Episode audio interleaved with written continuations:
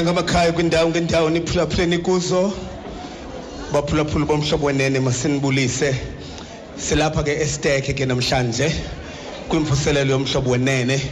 Abantu balapha bakhona ke indlu imi ngembambo sidiniwe umculo utsho kamandi qinisekile emakhaya baphulaphuli kunye nani. Nathi namhlanje abantu balapha ke baliqela bafikile. Le ndlu yalapha isanele. Nothixo siyaqiniseka okokuba njengoba ekho kuzo zonke indawo nalapha ukhona. Igama lami ke ndingumzungu sikafaleni andami kunye nedwa ke njengesiqhelo. Njengoko njengoko kudala sikhwaza ke mphulaphula into okokubana namhlanje sobe silapha estakesprat silapha ke namhlanje estakesprat njengoko seyitshilo umfundisi. Siyabulisa kumakhaya ngamakhaya kwiindawo zonke eniphulaphuleni kuzo. Sibambe ngazibini kwigumbi lendaba xa imizuzu ngoku ilishumi elinesibini emva kwayo intsimbi yesixhenxe uzazifumana iindaba kwakhona ngentsimbi yesibhozo ezentsimbi yesithoba ezandulela ezokugqibela kumhlobo no FM enkosi kakhulu ke magaba sesilapha ke sifuna ukuvisa mphulaphula into okubana izele eh auditorium eBonsonville College. Sicela into yobana abaphulaphula abakhona apha ngalomzuzu bathi unomhlobo mhlobo! Igama lam ke ndingunomonde kavakalisa siyohlukana kaloku ngentsimbi yesithoba mphulaphuli. Beka nje umnwe wakho phaa kwincwadi yokumkani bokuqala isahluko seseshumi elinesixhenxe uzawuva ngathi into okokubana sizibeka phi na intente namhlanje? Xa kunjalo ke mhlabeli khawus- khawus- khawusinike ingoma. Ukuze emva koko sicele umfundisi umanyoba asikhokele ngomthandazo.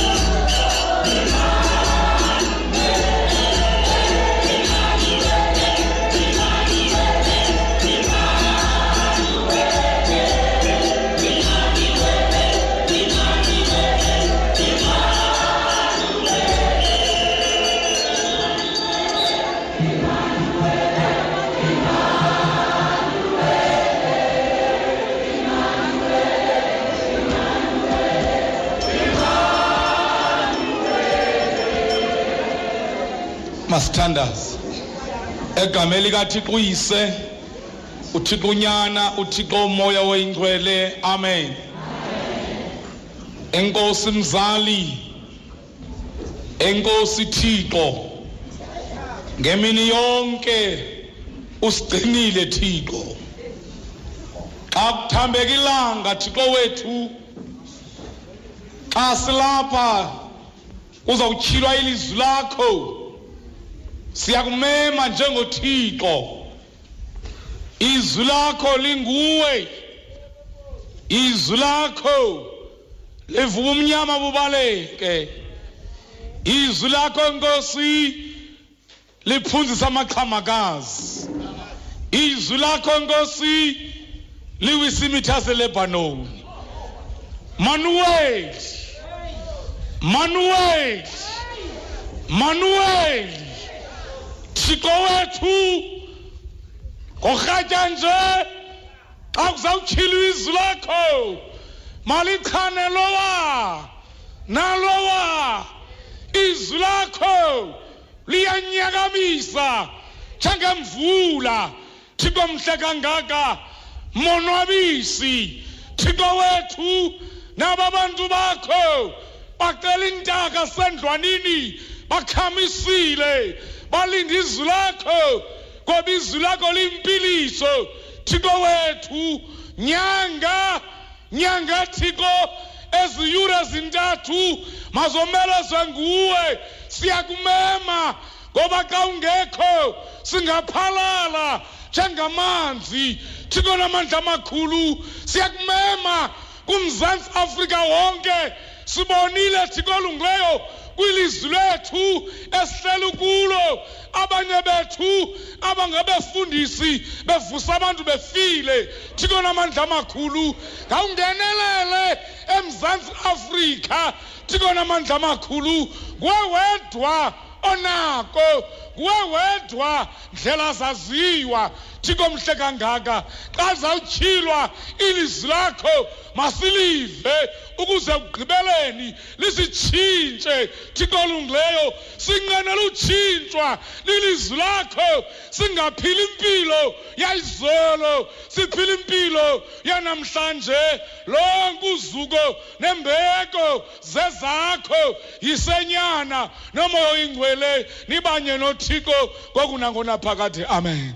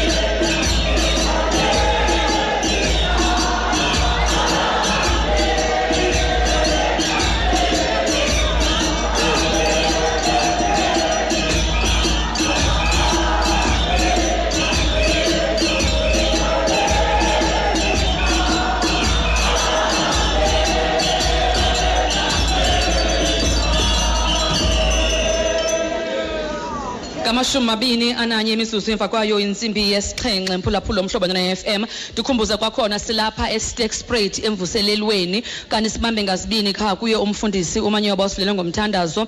Kanti ndifuna ukukwazisa mphulaphuli nawe mntu lapha namhlanje into okokubana abona bantu ebenze into okokubana sibe silapha namhlanje lisebe lasempuma koloni lezophuhliso loluntu elikhokelwa nguye umama utyanti ndicela simqhwabele izandla bethunana onisisele inkonzo yemvuselelo. Kanti ke ndicela ukubiza umama ukhamanyana into okokubana azosivulela azosifundela ilizwi lethu lanamhlanje. Then sizawunikela kumfundisi ufaleni asinikeze umkhomba ndlela. Sicela into yobana umxholo wethu wanamhlanje uthini na. Enkosi sisinomonde ndibulise nam endlini eqalis lijikilanga lizwi ke njengoba selithethiwe ekuhambeni kweveki lilo eli likomkum- likumka okumkani bokuqala ichapter ngu17 isahluko. Siyafunda ke thina siqala kuverse 10 athi ke u12 singamfundanga sithintelwe nguye siyafunda. Wesuka ke waya eThafati wafika esangweni lomzi nako kukho apho umfazi ongumhlolokazi echola inkuni wambiza wathi khawundikhelele intwana yamanzi ngesitya ndisele. Waya kuwakha wambiza wathi khawundiphathele neqhekeza lesonka ngesandla. Lilizwi lenkosi ke eli. Inkosi ke hlala emazulwini mayilisikelele lingekashunyayelwa ngoku nangonaphakade amen.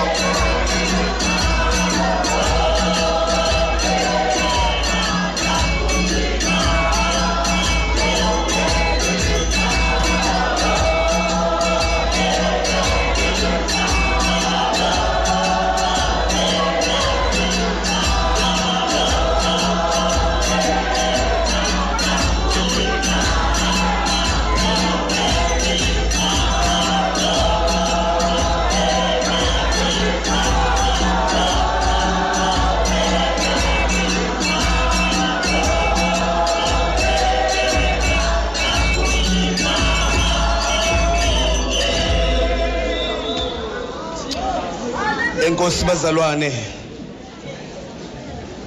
mandibulise abaphathiswa abakhona apha namhlanje.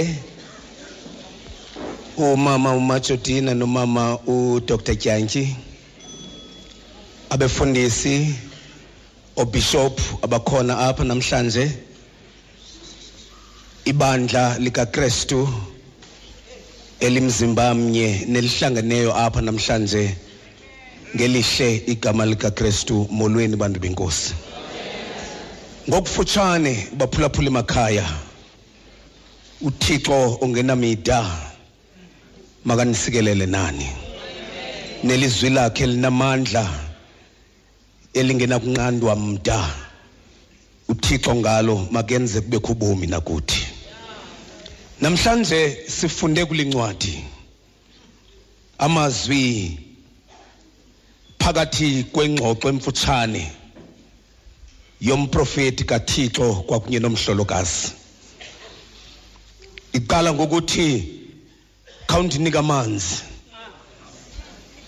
Uthi lo mhlolokazi achwechwe amnike emveni koba ehlangene nomprofeti ekhangela inkuni.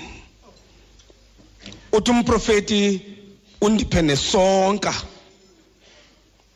Uthi lo mhlolokazi inhlama endinayo ilingana isandla. Ndizowufuna ezinkuni uba ndenze le ntlama ndidle nabantwana bam kube kuphelile ngathi. Ngoba nendoda kaThixo eyayingumkhonzi ayisekho kuyiloo nto ndingumhlolokazi. Eyona ndawo namhlanje baphulaphula bomhlobo wenene bendifuna ukuthi ukuze kuze abashumayeli bendifuna ukuthi elona gama likaThixo lokwenene kunobuntu.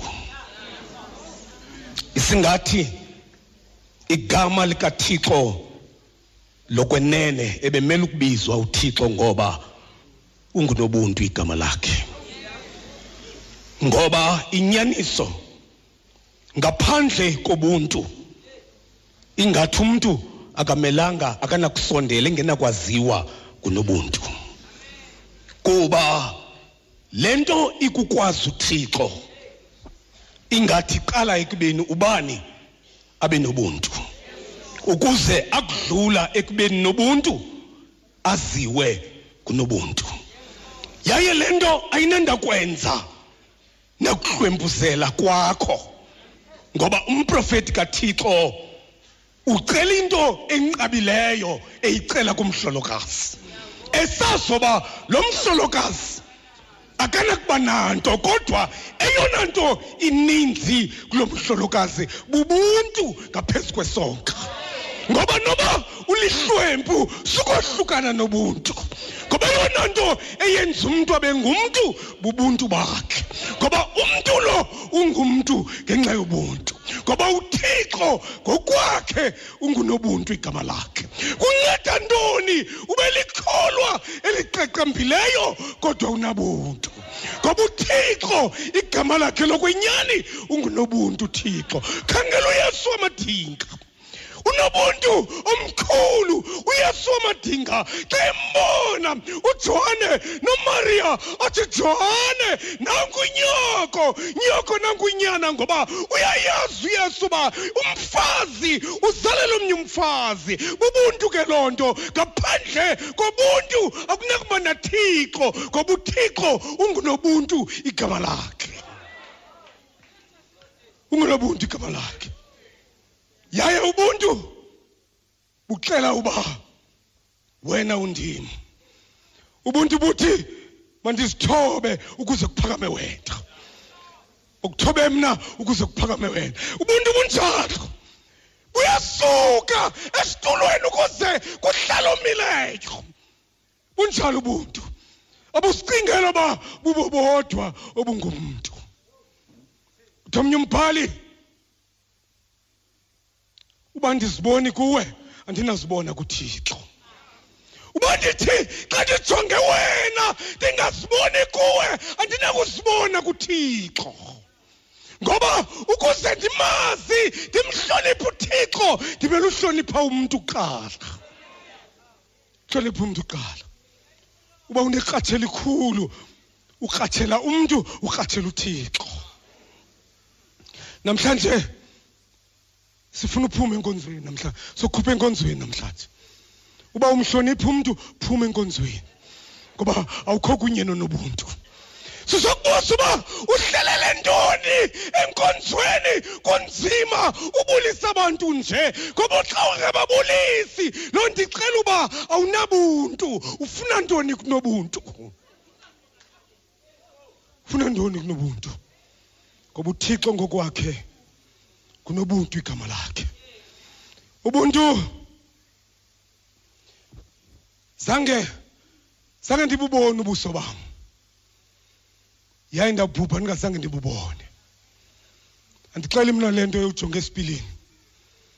That is just a reflection. Ayibobuso bam obo. Kodwa ndiyayazi ubuso bam bunjani.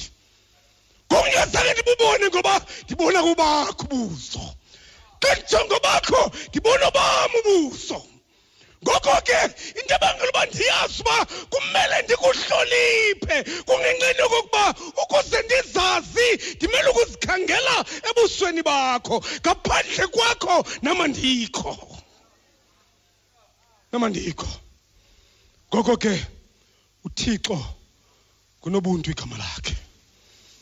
Ngoko ke uba umkhathalela uba umkhathalela ngumntu. Ushiyeke kancinci kubeni ungamkhathaleli uthixo. Uba uba uyatsho uba uyatsho sekushiyeke nje isiqingatha somzuzu uthi andimkhathalele uthixo ngoba umntu lo ungumfanekiso kathixo. Xa ungamkhathaleli umntu awumkhathalelanga uthixo. Khathalelanga uthixo. Ngoko ke uthixo ungumntu. Ungumntu. Amakholwa akho yangxamile ngxamile amakholwa. Amakholwa ngxamile. Ngxamile. Uba bendiphaya nomonde ke ndisitsho phaya kulethu inkonzo ekapa sithi emisini enkosikazi evuka endlini yayo. Ingxamele yokukhonza uthixo. Ingenzanga nepapa for umyeni wayo ungahambi inkonzo. Asiyazi biyaphi siyazi yaphi. Angxamile amakholwa afuna ukukholisa uthixo. Amakholwa angxamile afuna ukukholisa uthixo amakholwa. Kunzima ukukholisa umntu umntu olala naye ebhedini. Lala naye ebhedini. Madoda angxamile angcolisa amakhosikazi aleqa iplani ecaweni indoda kunzima ukukholisa umntu elala naye ebhedini. Lala naye ebhedini. Qonda le nto. Qonda le nto. Qonda le nto. Igama likathixo ngunobuntu thixo njengoba ungenabuntu nje yintoni ekuhlanganisa nothixo wena? Ntoni ekuhlanganisa nothixo? Andazi uba andazi uba kukho abantu abafuna ukusifundisa ngobuntu apha emzantsi afrika. Bafuna usifundisa ngobuntu bayakhumtsha. But you know we're talking ubuntu and we're talking ubuntu you must have a buntu and buntufication qonda uba bazintoni aba bantu aba? Bazintoni ithi ngqali ithi ngqali yalapha eafrika engumbithi ithi umntu omnyama akadingi kuvangelwa ngoba uzalwe mazi uthixo. Ngoba nguthixo othi kuye akunawulalwa kungatyiwanga kweli khaya enext door kukhona ukutya. Kaloku thina noba kuyaphakwa bekushiya ukutya embizeni. Kulindwe umntu ongaziwayo uba uyawufika nini na? Kwawutyiwa kusasa uba kafikanga ayingothixo nalowo ayingothixo na othi? Ayingothixo na othi? Inkomo yenqoma yintsengebheke ayingothixo nalutshoyo ngoba uthixo unobuntu ngoba uthixo bubuntu. Ngaphandle ko- ngaphandle kobuntu awunathixo. Ayisithi na abo namhlanje sishunyayeziwe ngenxa yokushunyayezwa kwethu sino-us and them kaloku itshilo mos intshumayelo engene kuthi.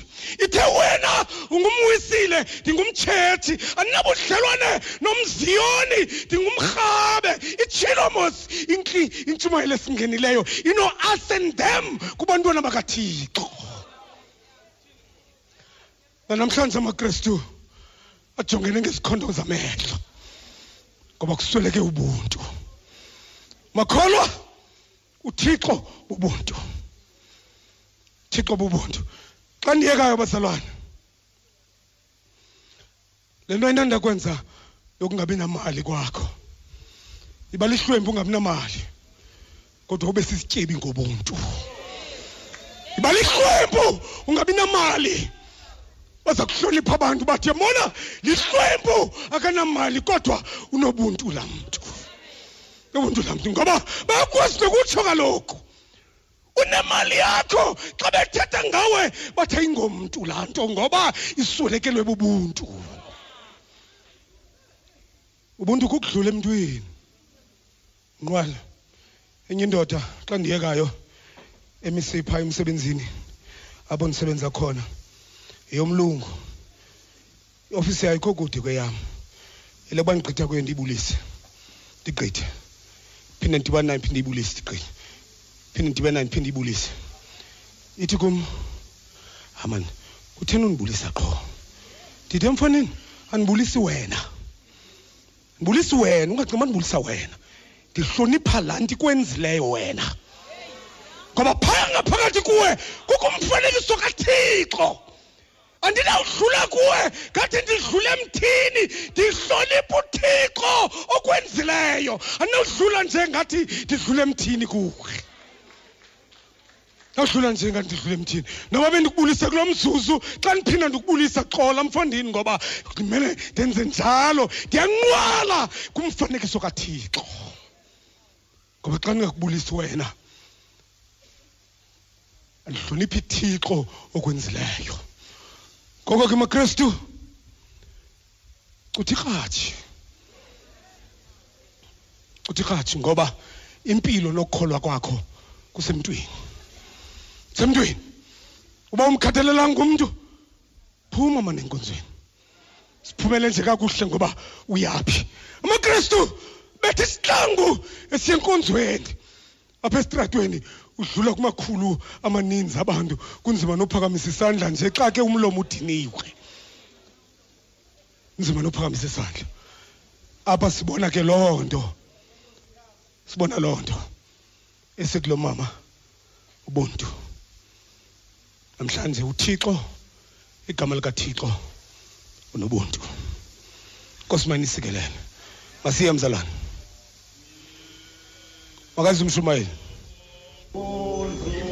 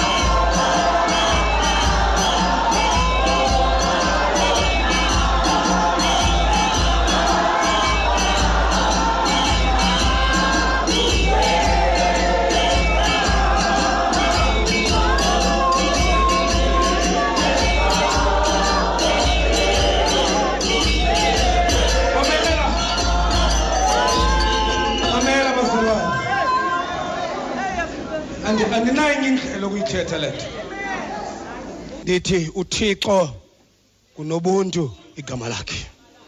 Enye indlela okuyithetha bazalwane uthixo igama lakhe kunobuntu.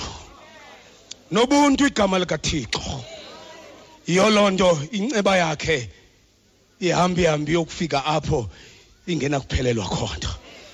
U uBhatimeyi uke wayicela lento bathi abantu abangengonobuntu bathi yithi cwaka. Ngoba wena ngokokwakho awunalungelo lokuthetha nalo. Batsho batsho bahamba.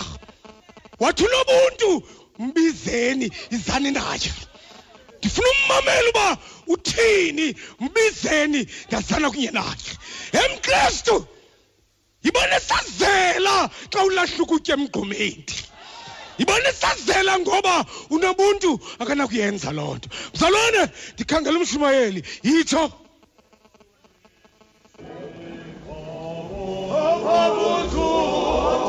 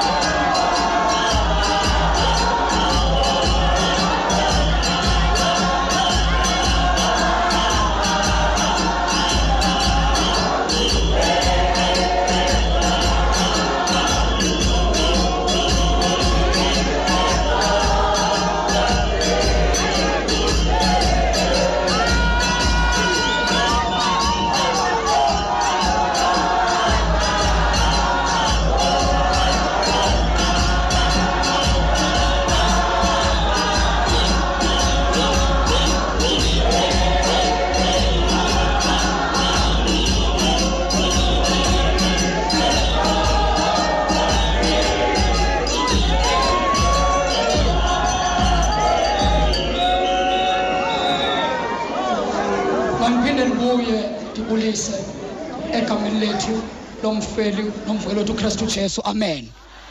Sibambe ngazo zozibini kumfundisi wethu ufaleni ngibulisa befundisi bonke. Egameni likakristu jesu ngibulisa ibandla likakristu mayibongwe inkosi. Luthethayo umfundisi utolo wakwaqongo phansi kwebandla le-word to world evangelistic ministries ozalwa ngubishop ujika mayibongwe inkosi. Ndi- ndifuna ukuza nje kule ndawo mfundisi ufaleni. Pha ekuqaleni edeni. Uthi uthixo xa sekedale yonke into wabona uthixo kusodwa umfanekiso wam mna ndinginobuntu ngoba ndizawushiya umhlaba ndihlale ezulwini.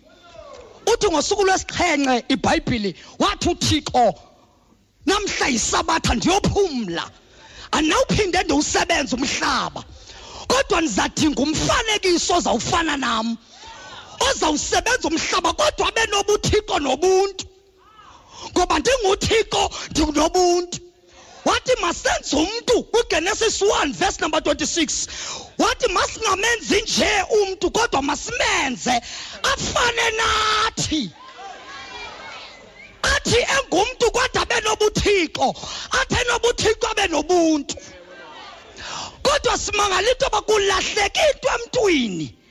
Kwalahleka ubuthixo kwasekulahleka nobuntu. Bakhona abantu kodwa ubuthixo abusekho ebantwini. Ngoba ubuntu ngunobuntu onguthixo. Gama lakhe lemfihlakalo kunobuntu namhlanje ebusuku sizothetha ngonobuntu. Mamela kuqalele mna ibandla esililo.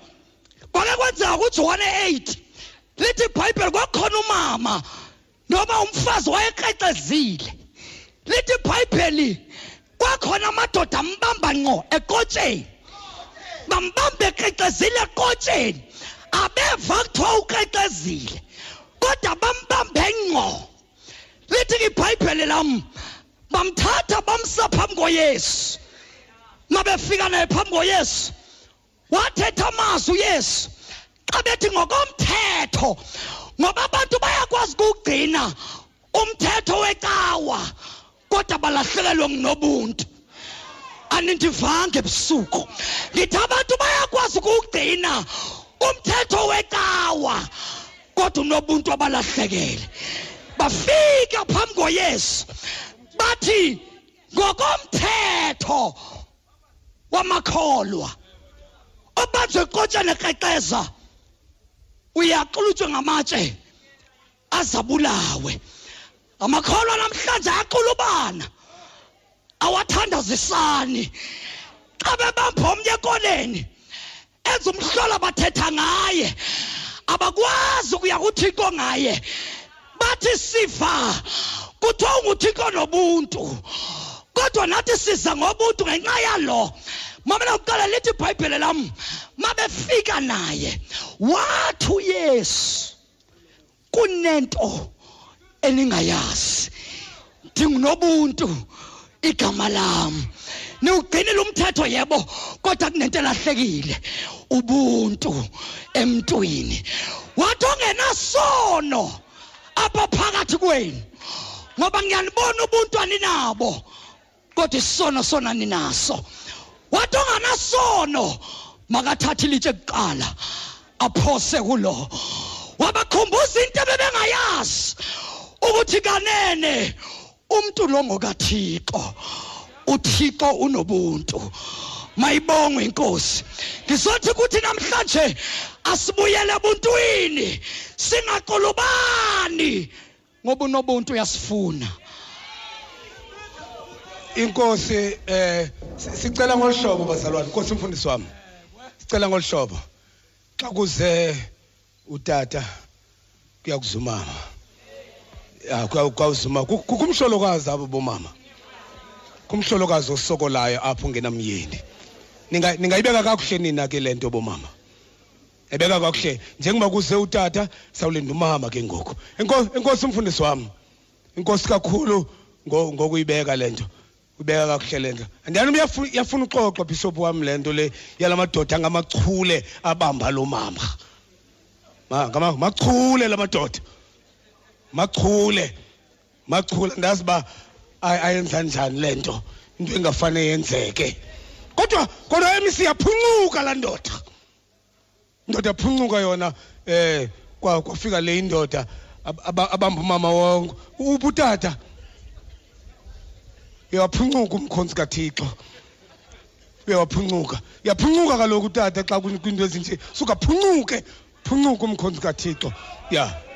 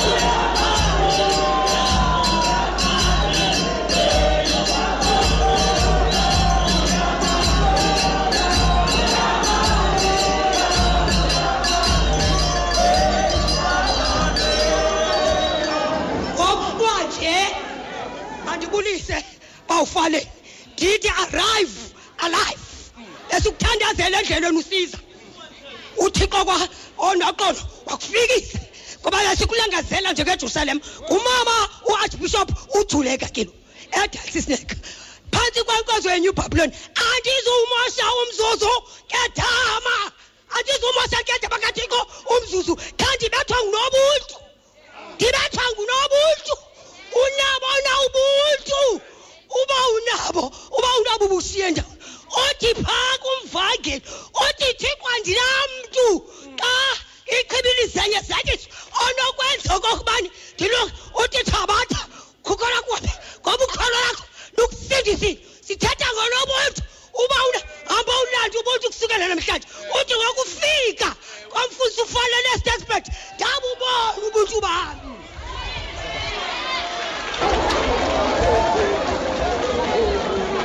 mandibulise kumfundisi umfaleni nomuntu wonke olapha namhlanje. Kukatiso umashedi igama. Kule sekete yasebenson vale. Ndiqabuka xa ndiphaa phantsi mfundisi wam. Ndisiva usixelela ubuthixo ngunobuntu. Yafuthuka ingqondo. Ndabalekela kwithafa lasedura. Ndibona apho mathathu amadoda angavumanga ukuthandaza isiqu esimileyo. Basuka bakhibisela emlilweni. Kodwa phanga phakathi. Wacaca unobuntu uthi omnye behlele ethandaza ethandaza ukumkani ongekhoyo. Uthe wokujonga emlilweni. Wafika kukho indoda esine. Wakhwaza kumkani kumkani ebemathathu amadoda. Kodwa ngoku ikhona indoda esine. Kungoku namhlanje sifusiva into yoba uthixo kakade ngunobuntu nasebunzimeni izamama izamama ndibulisa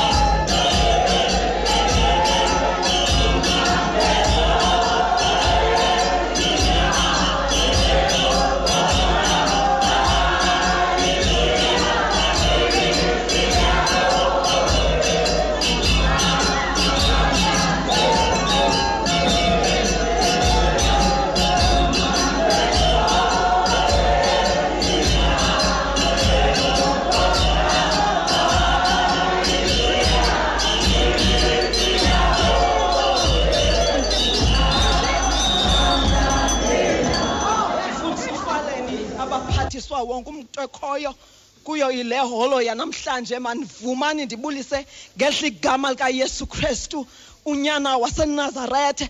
Bathi mfundisi bathi nguyesu wasenazarethe kodwa ebezalelwe ebhetelehem abavuma into yoba mabambizele uba ngowasebhetelehem kugcwele ingqolowa ebhetelehem babona into yoba kukhona izinto ebhetelehem kodwa bavumanga. Ukumbuza uba nguyesu wasebhetelehem wambona into yoba mabambize ngoyesu wasenazarethe. Kwisixeko esingenanto kuba kuzawuphuma umntu onobuntu azawukwenza izinto ebantwini njengomama njengenina. Ikho wayenza incabalo nobuntu kwabafazi engabizwanga ngegama kuthiwa yintombi enethombe legazi ecekiseka kwizinto kodwa yayazi into yoba ukhona umntu ongumehluko phakathi kwabanye abantu. Yabonakala le ntombazana ityhuluba yagileka phakathi kwabantu. Bathi beyinqanda kabi nako wachukumisa wathi ukhona ondichukumisileyo wasuka wabenza ubuntu. Ingathi ndiyambona njengonina. Zawuthetha ngabafazi. Usetempileni kuthiwa wena isiubeke isisele esinxilisayo emlonyeni wakho. Uthi ndibeke intlungu yam kuthixo. Usuku nobuntu wenza ngenceba yenza loo nto. Nobe betshutshiswa ngupenina ayabonakala into kapenina. Wabuya waza etempileni wathi ndingulaa mfazi. Kuba uboniwe. Uboniwe ngunobuntu wenzile izinto? Athi abone efika eqoleni likayakobi iqole elingathi liyabahlulahlula abantu. Baye bayazi into obuza namanzi azabadibanisa okuhlanganayo kuhlangane okungahlanganiyo. Ingathi ndiyambona umethetha naxa upetros ehamba phezu kwamanzi kuba ngunobuzi wenza indlela apho kungekho indlela. Athi athandabuza asuke enza ubuntu ngoyesu waphakade. Amen. Uba ufaleni uba ufaleni neencinga zakho. Ma ndibulise uba ufameni gama lesikrestu ngosethu amen. Kuxolani ifani yakwahlaselwa. Unobuntu. Umele uba bawufaleni ukuze ube nobuntu. Ujonge ubuntu owakhe kunye nabo. Ndimbona ubuntu bawufaleni xa uyesu ezama ukwehla bawufaleni abona abafundi. Athi naye thetha uyesu athi ninanto na? Ninayo na apha? Bathi abafundi asibambisanga nto. Bawufaleni. Abonela lobuntu bawufaleni. Ngalo mzuzu bawufaleni. Wathi wathixo uthixo lobuntu bawufaleni. Wathi phusani iminotho. Ngasekunene bawufaleni. Sibone ubuntu bawufaleni. Kumathafa bawusirayeli. Apho umazisi abhidana nabantu wathi uba uthixo uthixo lobuntu wathi mazisi thula uthixo ngoba mna uthixo wakho ndinguthixo anobuntu bawufaleni ndifundato akakubangaba simele akakubangaba simele ubuntu khona ukuze ubuntu banje aziqiniselisa tu lakhe urhatsi luphala kuthi balaphakade Thank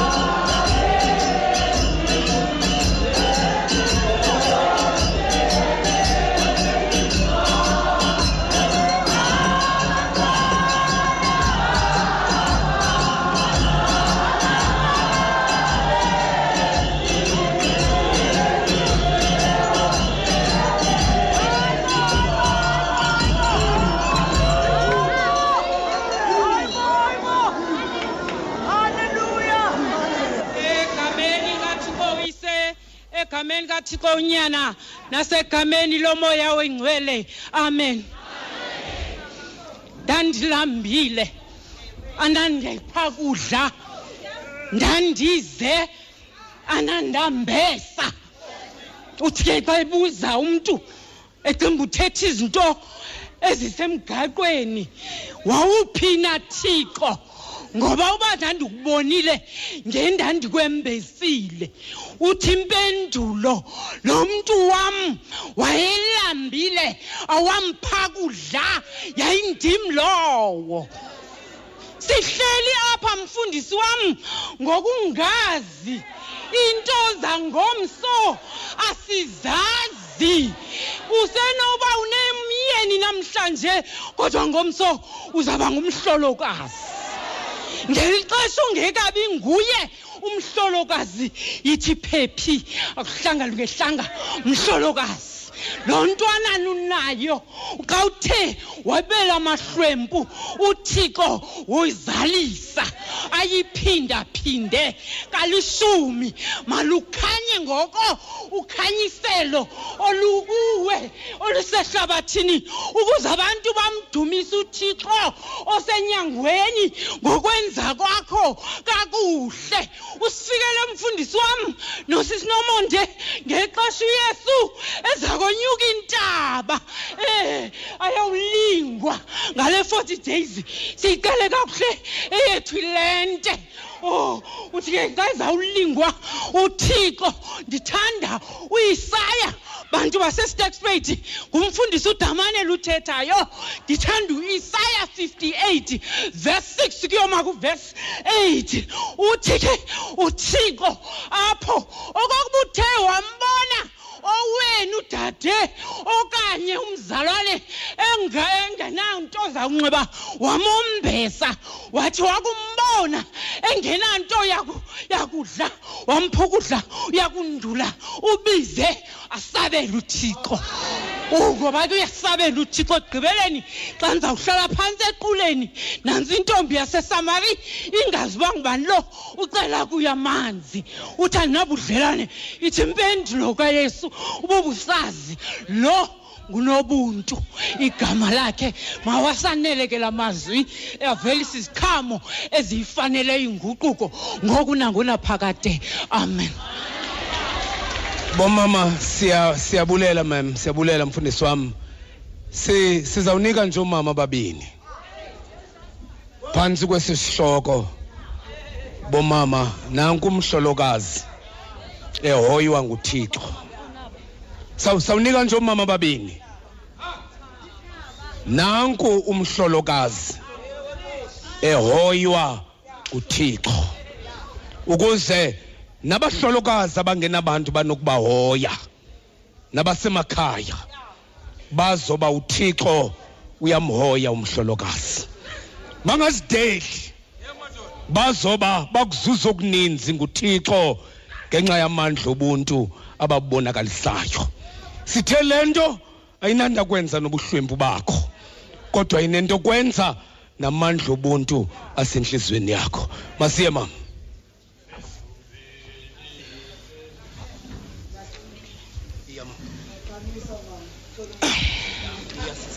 Akuphela onkamandla kwakuphela umzimba wonke. Kukikakikeka. Ndakusuka ndisiphakamisa izandla kulowo unguthixo wam. The scripture says that this woman was sitting in waiting. A widower as she was but she was sitting in waiting. Elinde uthixo wakhe. Kubonakala into yokubana ayisinguye umama o- ofelwa yindoda ebengakhange akwazi ukuthi uthixo ngexesha lokufika kwakhe uyamthabatha umntu wakhe ungumama ofike isithunywa sikathixo ekwiposishini yakhe that if nentlungu ekuyo ayizubumkisa ubukristu endibubo thank you holy spirit. Umama ufika one thing that is important uza kuba nobuntu one of the things is that you must be able to sacrifice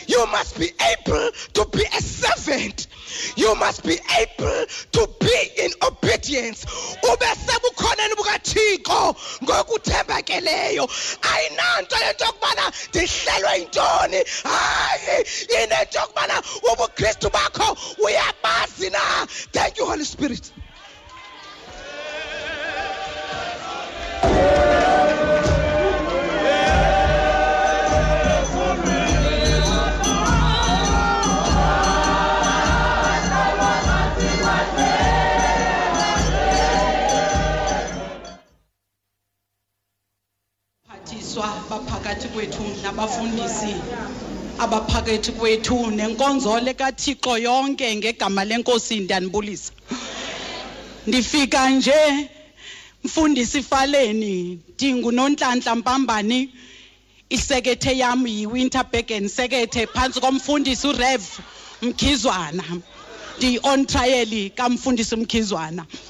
Ndihlutshwa nje ngulo mlayezo ofika kulo mhlolokazi.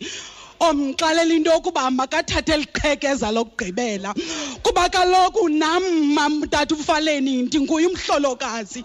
Ndiyalikhumbula ixesha lobuhlolokazi lixesha elimnyama lixesha lobunzima lixesha apho bonke abantu bethetha ngawe lixesha lokuvukelwa yinto yonke tata ufaleni. Kodwa lithi xa lifike lixesha uzibone nje into yokuba umvandethu uhleli uthi noba uhlambile ibe ngathi awuhlambanga. Yiva lo mama xa kufika lo mlayeza. Uthi eliqhekezelo likhona elokuba masitye sife nathi kuba akusekho bomi phezu kwethu. Kuba kaloku ufikele lixesha lomvandedwa apho eziboni elilolo aphe apho bekekhumbula into yoba ebekhe waba nomntu omthandayo ekhe waba nomntu omenzela zonke izinto. Kodwa ngexesha lokuba uyazi into yokuba xa kufika le ndoda ithile akhange benemibuzo kuba kaloku kufika unobuntu. Ingaba nkosi yam unobuntu sisenaye namhlanje? Xa kufika ixesha apho bevukelana khona abantu bethandana besazana. Kodwa ndifuna ukuthi mandigqithe nje ndingayenzi siza sizawuya enkosi Iz- izabawo sizoya ku sizoya kunomonde ngoku. Saw saw sawuya kunomonde ngoku. Enkosi mama. Nkosi mama nanku nobuntu ehoya umhlolokazi. Mama uthi abahlolokazi kulula. Ngabantu kulula ukuthetha into embi ngabo. Kulula kakhulu uthetha into embi ngomhlolokazi. Kunjalo nje ifane naye. Fane naye nobe emthembile asuka ngamthembi ngenxa yento ethethwa ngaye. Kodwa unobuntu bahlolokazi ungakuni unobuntu. Kunjalo nje liyezi ixesha sheke nabantwana lo mhlolokazi. Sheke nabantwana uthi ndina andinanto ndinayo le nto yokugqibela. Mhlolokazi into yokugqibela onayo uthixo angayongeza. Wasongeza uthixo isonka intlanyana engangesandla wayongeza. Ngoko ke ningalahli ithemba bahlolokazi. Nazoba uthixo ungagoni. Masiphakamise lo mzalwane ukuze aphakamise nomonde. Oh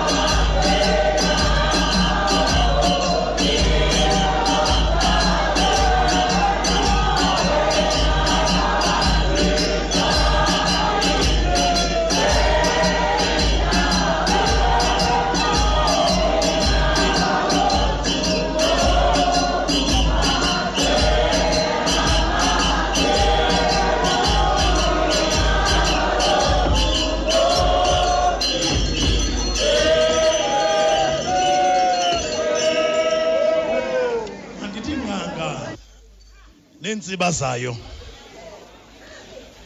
ngumfundisi unkosinathi yinana. Apha kwangquba inye kuphela madam into endizayithetha. Yethi kwisizwe simnyama baphela ubuntu. Sikhula abazali bethu beboleka ityiwe next door. Sikhula abazali bethu. Bephakelana ukutya. Kodwa yathi ukufika kwekrathi bazalwane soyika ucela into enext door. Kuba kwaphela ubuntu ebantwini. Kuba yathi ukuphela kobuntu ebantwini kwaphela nomvisiswano ebantwini. Ubuntu buphela ubona iqhego yebazalwane ubona iqhego lijikisana nomntana one-six months. Ubona iqhego ubona abazali bebulawa ngabantwana kuba kwaphela ubuntu ebantwini. Bayapha ubuntu ebantwini? Kuba xa uthe wacela ucela into kuthixo owethu uthixo bazalwane uyakwazi ukuphendula. Owethu uthixo bazalwane uyakwazi ukunika into oyicelileyo kufanelekile sivuselele ubuntu bethu. Hleze mhlawumbi amashwa esijongele nawo baphela ubuntu ebantwini. Yiloo nto ngendawo ehlala ngesizwe simnyama akwaba besinokuthi bazalwane xa siphuma namhlanje siphume sisithi nkosi yam sicela uvuselele ubuntu bethu. Sazi ingenzeka ubana osecaleni kwakho andimazi noba ngubani ingenzeka osecaleni kwam andikhange ndambulisa kuba kufika ikratshi ebantwini esiphila kubo kufika ikratshi ebantwini esingabo. Masibuyele kuthixo sithi baholungileyo vuselela ubuntu bethu. Kuba wamdala umntu wamenza wangumfanekiso ofana nawe. Amen.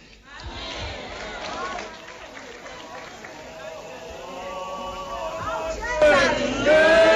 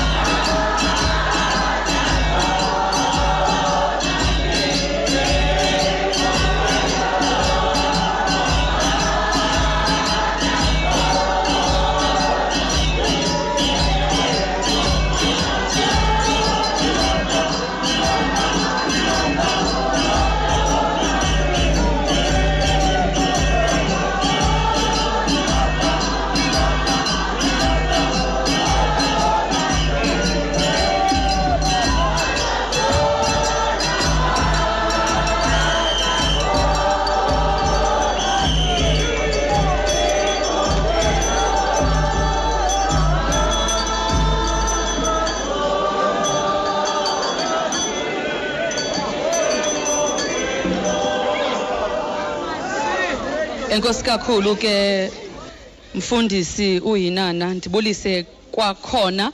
Kumphulaphuli ekhaya ndibulise futhi nalapha endlini ngokhethekileyo mama utyantyi em no DJ Pemsa.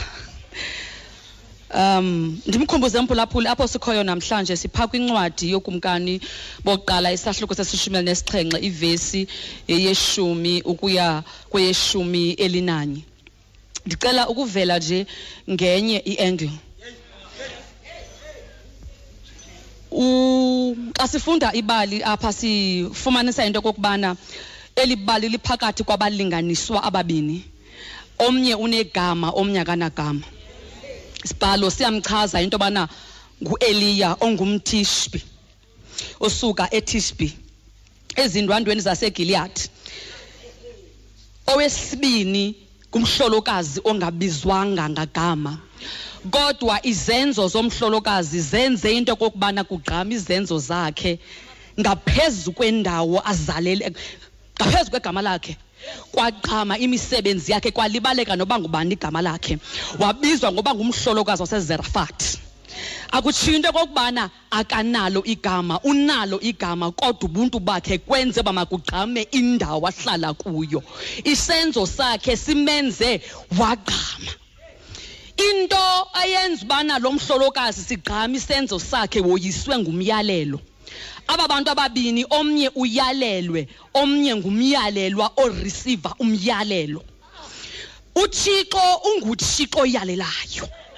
Umuntu kuzabe nobuntu uba nobuntu ngokufumana umyalelo kuthixo. Ukureceive umyalelo ovela kuthixo yinto enqabileyo. Ngoba xa ukhangela ukuqala kwethu kuva ngueliya igama lakhe likhankanya kwisahluko seshumi elinesixhenxe kuxa uthixo emyalelayo.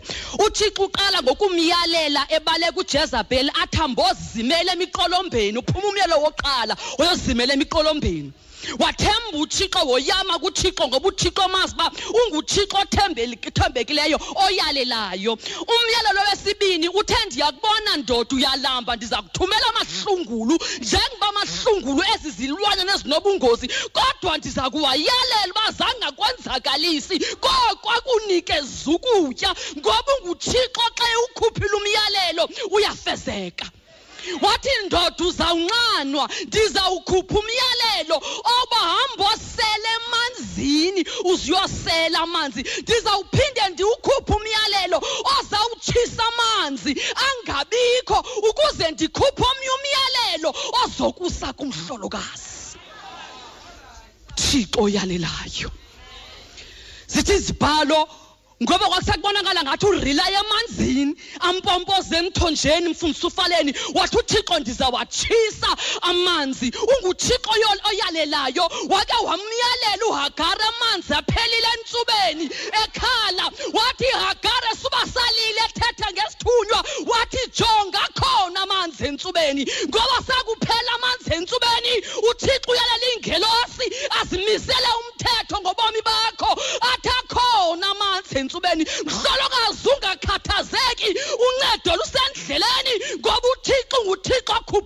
akhupha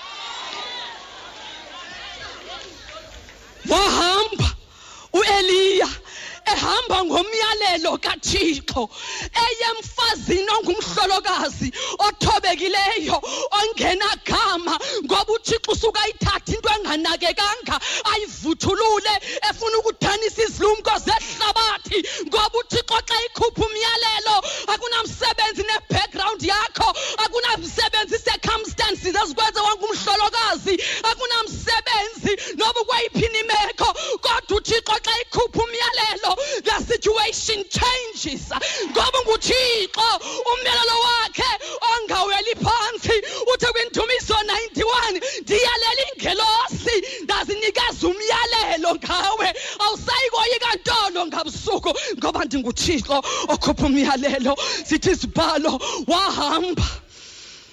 Wahamba mamathodini umgama xa ithi ithi xa ichaza ithi wahamba 80 kilometers. Ehamba ngomyalelo. Uyabona xa ungumntu ohanjiswa nguthixo ngomyalelo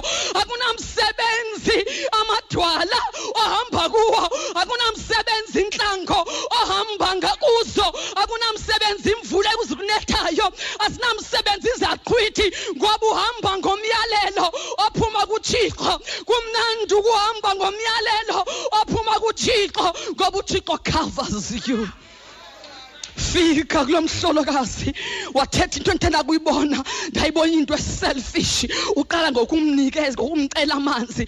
Uthi umhlolokazi xa yokha amanzi athi undiphe nesonka kodwa umhlolokazi ngenxa iba eqale uthixo wafika wamsebenza akakwazanga uba nenkani. Athi kodwa ndoda ndini ndikunikile isandla ndakunika uselfish kodwa ngoba woyiswe ngumyalelo wathobela umyalelo ovela kuthixo. Ndiva kuthiwa ke apha namhlanje bekuzothi wenkosi koomama bagade inkedama koomama bajonge inkedama oomama boyiswe ngumyalelo kwakubhubha intombi namadodana bakusweleka bancedi kodwa uthixo wasisa umyalelo.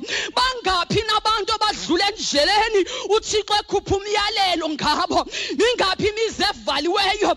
Uthixo ekhuphe umyalelo. Ebomini bakho. Into efunekayo emzantsi afrika kwixesha esiphila kulo kuba uze ubuntu bubuye kudingeka abantu abazawuva umyalelo ovela kuthixo. Ingxaki sihamba nje siyazenzela. Asamameli imiyalelo ovela kuthixo. Asisawazi umahluko phakathi kwelizwi likathixo nelizwi longendawo ngoba kulahleka umyalelo. Le mali oyidla kabuhlungu yabantwana besibonelelo ingaba ngumyalelo ovela kuthixo nalowo. Lo mtshakazi omhlukumezayo ukuba uswelekelwe ngunyana ongumyeni kuwe ombangisa ilifa ingaba ngumyalelo ofumene kuthixo nalowo. Le mali oyisela utywala kabuhlungu yenkedama ingaba ngumyalelo ofumene kuthixo. Ukuze ubuntu bubuye kudingeka amadoda namantokazi azawubamba umyalelo ovela kuthixo azawukuva ilizwi likamoya oyingcwele lisithwa kwenziwa kanjalo. Myalelo ovela kuthixo ngoba no-elijah mamdandi ngowathi xa wayifikayo athi thixo le ndawo ndithume kuyo akuyiyo. Ngoba uthixo umsuse endaweni ibingathi ngcono wamsa kwisituation ewes than indawo asuka kuyo. Kwathi ngoba woyiswe ngumyalelo wakwazi uthixo owamdilivarisha phakathi kwabaprofethi bakabhali abangamakhulu ama-400 wayazi into okokubana xa uthixo wabulala wavuma uba makafa abaprofethi nakule meko ndiya kuyo uthixo usathembekile. Kuloo meko kuyo mphulaphula ekhaya. Sowufikile namhlanje kule ndawo. Mhlambe into engumqobo kwimpubelelo yakho ekufumaneni umsebenzi ekubeni ube lukhanyiso lwefemeli yakho ekubeni uba isituation yakokwenu itshintshe ekubeni kubreak the generational cases ojongene nazo kukuthobela umyalelo ojonge kuye ovela kuyehova. Mhlawumbe kudala ujikeleza kule ntaba yehorephe impendulo ayiveli woyiswa kukuva umyalelo ovela kuthixo. Ngoba ingxolo inintsi ezindlebeni zakho. Mhlawumbe ukuze isibopho ezinzima efemelini yakho mhlawumbe ukuze ube ngoqala uthixo aza kumphakamisa ambekene endaweni ethe thundu you need to change abantu ohamba nabo. Ngokomyalelo ovela kuthixo maybe you need to change indawo ohleli kuyo. Ngokomyalelo ovela kuthixo you need to change iposition ome kuyo. Ngoba maxa wambi into uba singawuva umyalelo ovela kuthixo yindawo esime kuyo zi-surroundings zethu ngamazwi angxolayo ithi indumiso one ithi hayi yolo abangahambi ngecebo labangendawo abangahlaliyo kwimbutho yabagxeki. Mhlawumbi uhleli kwimbutho yabagxeki loo nto ivala ukuba uva umyalelo ovela kuthixo. Ngxaki kusuke kwazala kwangabikho ukucikitha imimoya. Ngumoya oyingcwele esiwudingayo oza kusikhokhela ngoba ngikhumbuze enye into umama jordina uthi sifuna la makhosikazi athatha umntwana womhebhere owayesemanzini elahliwe ezweni laseyiphutha sithi sibhala intombi kafaro ngokomyalelo ngoba uthixo wayiyalele ngoba uthixo xa seyiyalele even the enemy bows ngoba ina choice. Xa uthixo akhupha umyalelo notshaba aluna choice but to say yes lord ngoba kusebenzela okulungileyo kwabo bamthandayo nabamkhonzayo uthixo 2019 wakho aze ake atshintshe. Ube ngumntu ozawufuna ubuso bukathixo ozawunxanela uthixo ozawufuna umyalelo ovela kuthixo ongaveli bantwini ongaveli izihlobeni ongaveli kufacebook ongaveli kutwitter ongaveli kuwhatsapp. Kodwa umyalelo ovela kuthixo uthixo banganisikelele ukuze amadami enu angatshi seletshile. Kodwa uthixo aniyalele anidirecte to your next source. Ngoba uthixo xa evala umnyango omncinane umnyango omkhulu uyavuleka. Uthi kwincwadi yezitshilelo ndiwubekile emnyango yamathuba phambi kwenu. Apho ndivule khona akekho novala apho ndivale khona akekho novula mhlawumbi uthixo zikhona iingcwanga azivalileyo ezivale ngoba ekusindise ezintweni ezithile ekuvale ngenjongo ezithile. Mamela umyalelo kathixo unganyanzeli iminyango evalekileyo uba mayivuleke ngokristu inkosi yethu amen.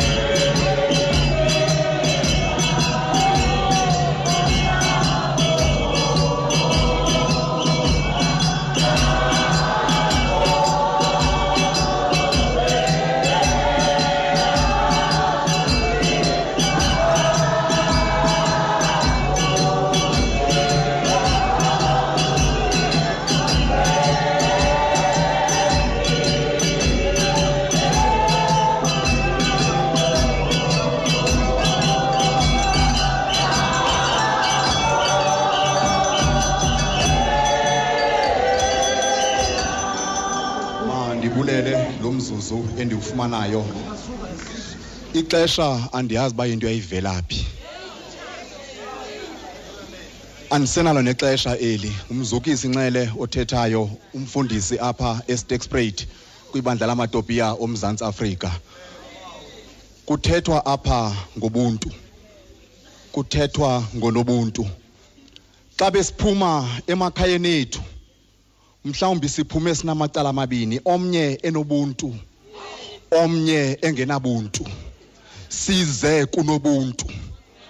Ingaba ngumnqake xa sinokuphuma apha sigoduke bese khona abantu abangenabuntu. Ngoba bayigocagocile abantu indima yobuntu. Besithi abantu bakhona abantu abalele emangcwabeni bebabona benza ubuntu ebantwini kanti benza ubuntu kumntu ongento. Layaphi igama elithi izandla ziyahlambana. Layaphi igama elithi umntu ngumntu ngabantu. Khangela abanye onyana xa bezawubulalana umntu nomntakwabo ngenxa yobuntu. Uyabuza omnye igazi lomnina wakho liphina uthi omnye mna ndingumgcini womnina wam yinina. Inkathazo kuye kwaphela ubuntu masiphuthumeni ubuntu bantakwethu. Ngonaphakade amen. Ndibulise ententeni okanye eholweni. Bulisa abaphulaphula emakhaya. Di didlula nje bethuna andinaxesha lingako. Kodwa uthi ungconda apha mandizochaza into encinci into ethi apha uEliya xa efika kumhlolokazi usuka kumlanjana apho okuthiwa yikeriti wahlala apho uthixo wamondla wamondlisa ngamahlungulu. Kanti uthixo uyamlungisa. Uthixo umlungiselela into azamthuma kuyo. Kanti uthixo uzamsa eTsafati. Apho kukho umhlolokazi khona yazi uthixo ungumangaliswa. Uthixo xa ezawulungisa into uphelise ekhoyo into watsho umlambo. Watsho umlambo wathi uthixo makabheke kulaa ndawo inomhlolokazi. Xa efika kulaa ndawo inomhlolokazi. Uthixo wethu ufika sekuphele amathemba kanti aphelile amathemba kumhlolokazi. Akasenanto. Wathi kuyutu wathi ufika wathi ndipha amanzi waphinda wacela isonka. Uthixo uyenza ngabom le nto ngoba ukuzuzuze kufuneka unike. Wathi nika noba incinci nika noba incinci. Uthi ke ngoku eliya emphandeni akuzuphela mguu nawe mphulaphuli uba unganikela izulu isandla sakho emphandeni wakho akuzuphela mguu phakamisa umphathiso la. Nqonde nabaphulaphuli. Xa ndiphakamisa uMEC ndifuna ukuthi ngemizuzu emibini umzekelo ophilayo nasemakhayeni ethu nasezicaweni zethu abahlolokazi bondla abantu icawa zimile ngabahlolokazi. Icawa zimile bayakwazi abahlolokazi. Bengenanto. Baze nezitena kwakho indlu kathixo. Bathi abantu abaphangelayo babuye umva. Ithi yakugqitywa indlu yecawe babuye abantu abaphangelayo bazawulawula indlu kathixo. Bababuyise umva abahlolokazi. Le nto ingumhlolokazi. Yinto enokholo yinto enothixo yinto enethemba. Ingathi ndiyambona lo mhlolokazi encama into yokugqibela esondela phambi komprofethi kathixo.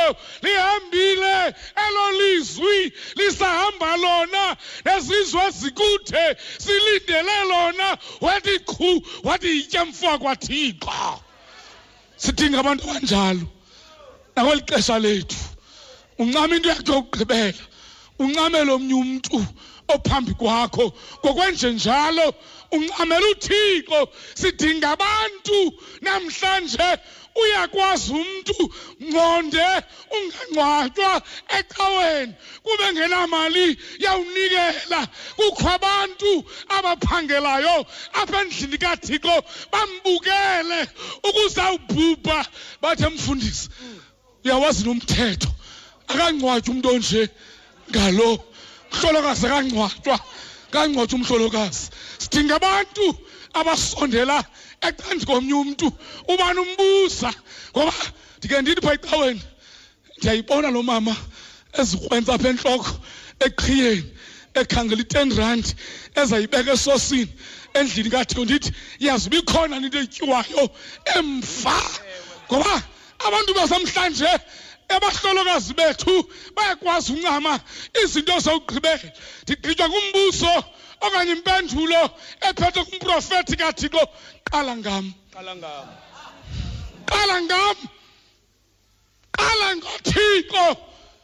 Qala ngothixo ukuze uthixo akusikelele. Wona phakathi amen.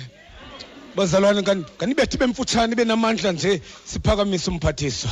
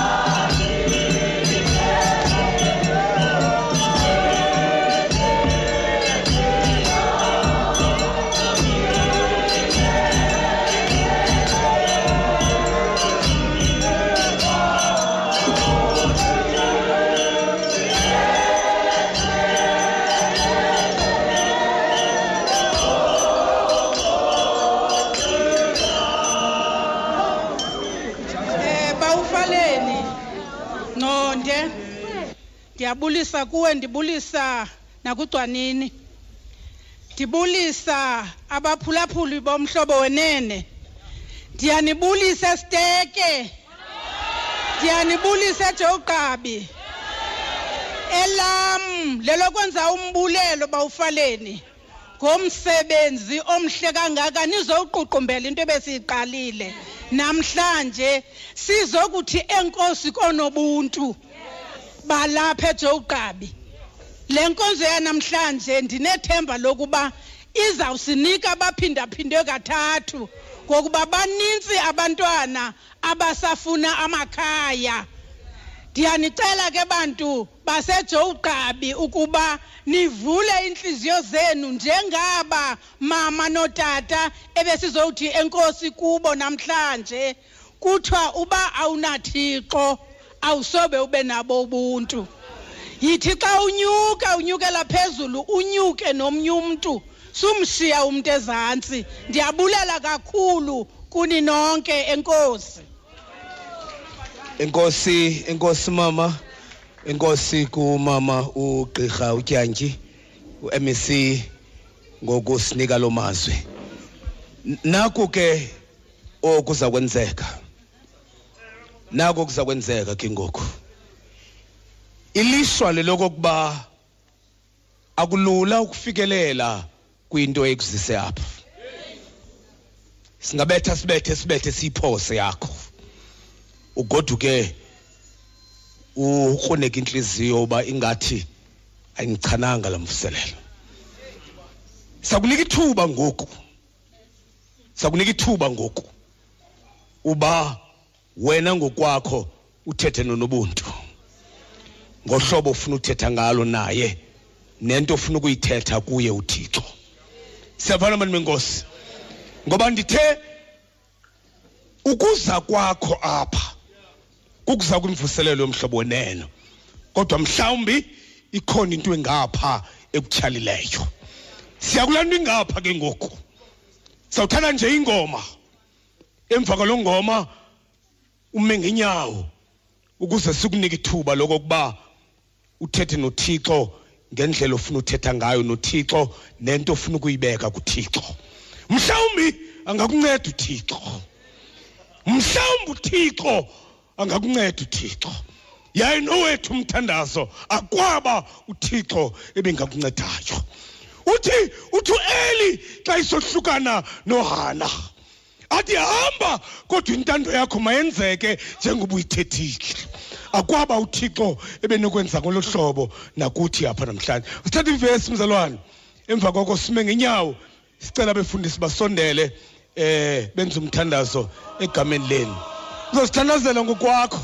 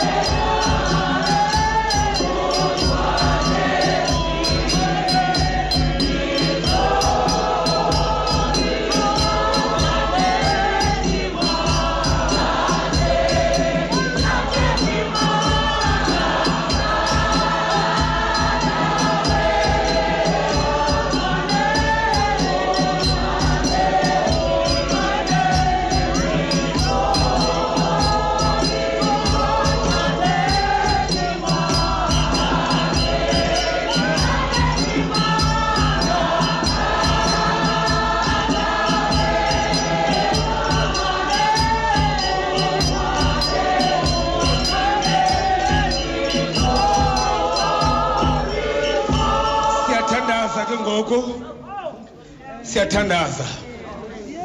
Kuloo ndawo kuyo sikunika ithuba lokokuba uzithandazele ngokwakho.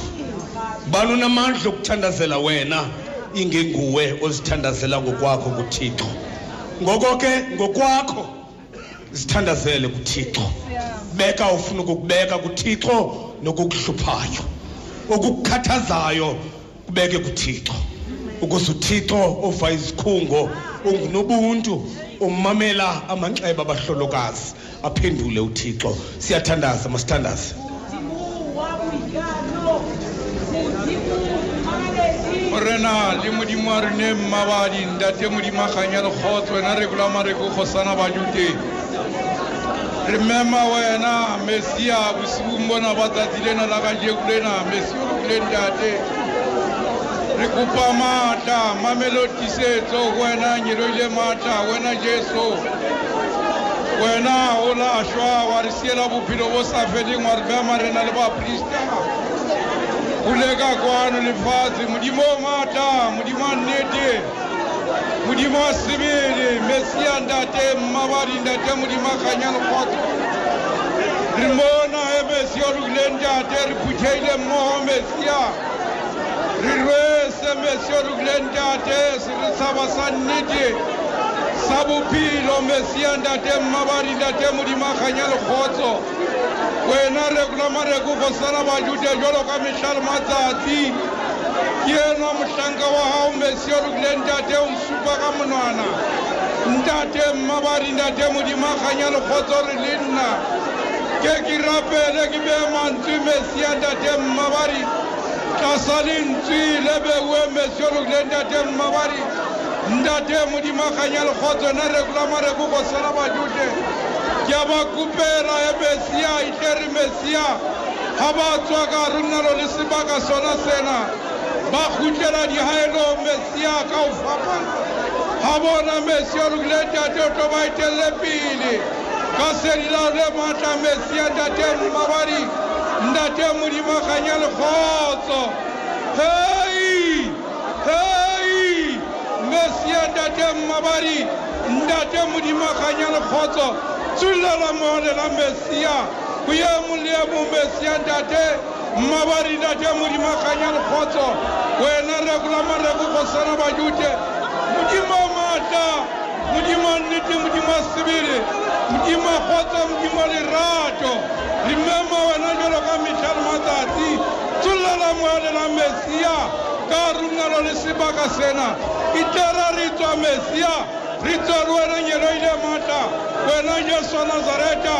Wena lašwa wa re siela bophelo bo sa feleng bitsong le letle la morena rile jesu kriste ya tlana boko ka mtlo sa feleng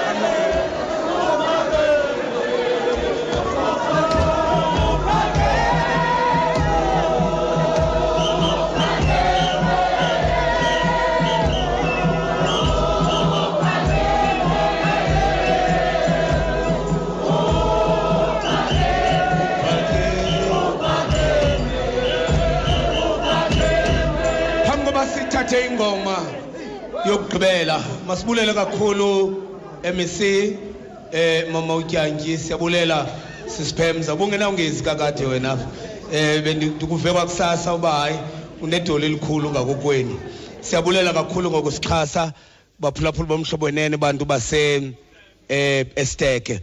Siyafuna nje ukuthi eh Kapa sijonge wena kwiveki ngantoni kanene nomonde? Nge-17 sisekapa khayelitsha eh yondlala sisekhayelitsha nge-17 kanti nge-20 eh nge-24 sise sise Raymond Mhlaba eBhofolo kanti nge-7 kaApril sise Beaufort West. So silindile siyeza eh siyeza. Sizobe sithandazela ne-election zomzantsi Afrika.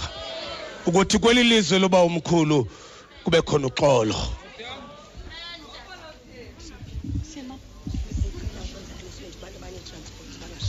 Kuthiwa ke mandicele into okokubana abantu abanetransport bangabashiyi abantu abantu abaneteksi nikhwelise abantu nenze ubuntu obusithetha ngabo apha namhlanje. Mfundisi sicela into yobana samkele ufefe sibulele kakhulu kubahlali. Masinike um- utata asamkelele.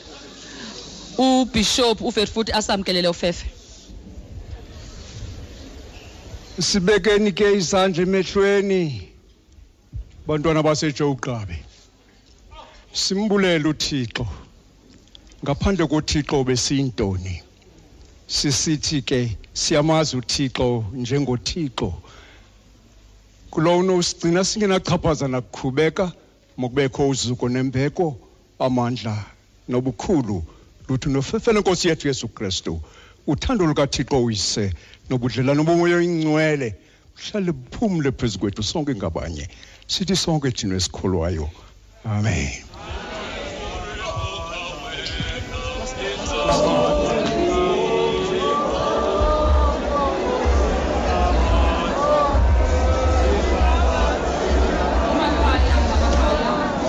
Zonke umphulaphula omhlobene ne-fm ebephulaphule ekuyo sithi enkosi masidibane ke mna nawe ngolwesibini ngentsimbi yeshumi kwiqonga lomculo wevangeli. Fundisi sibulela kakhulu ke baphulaphuli bomhlobo wenene.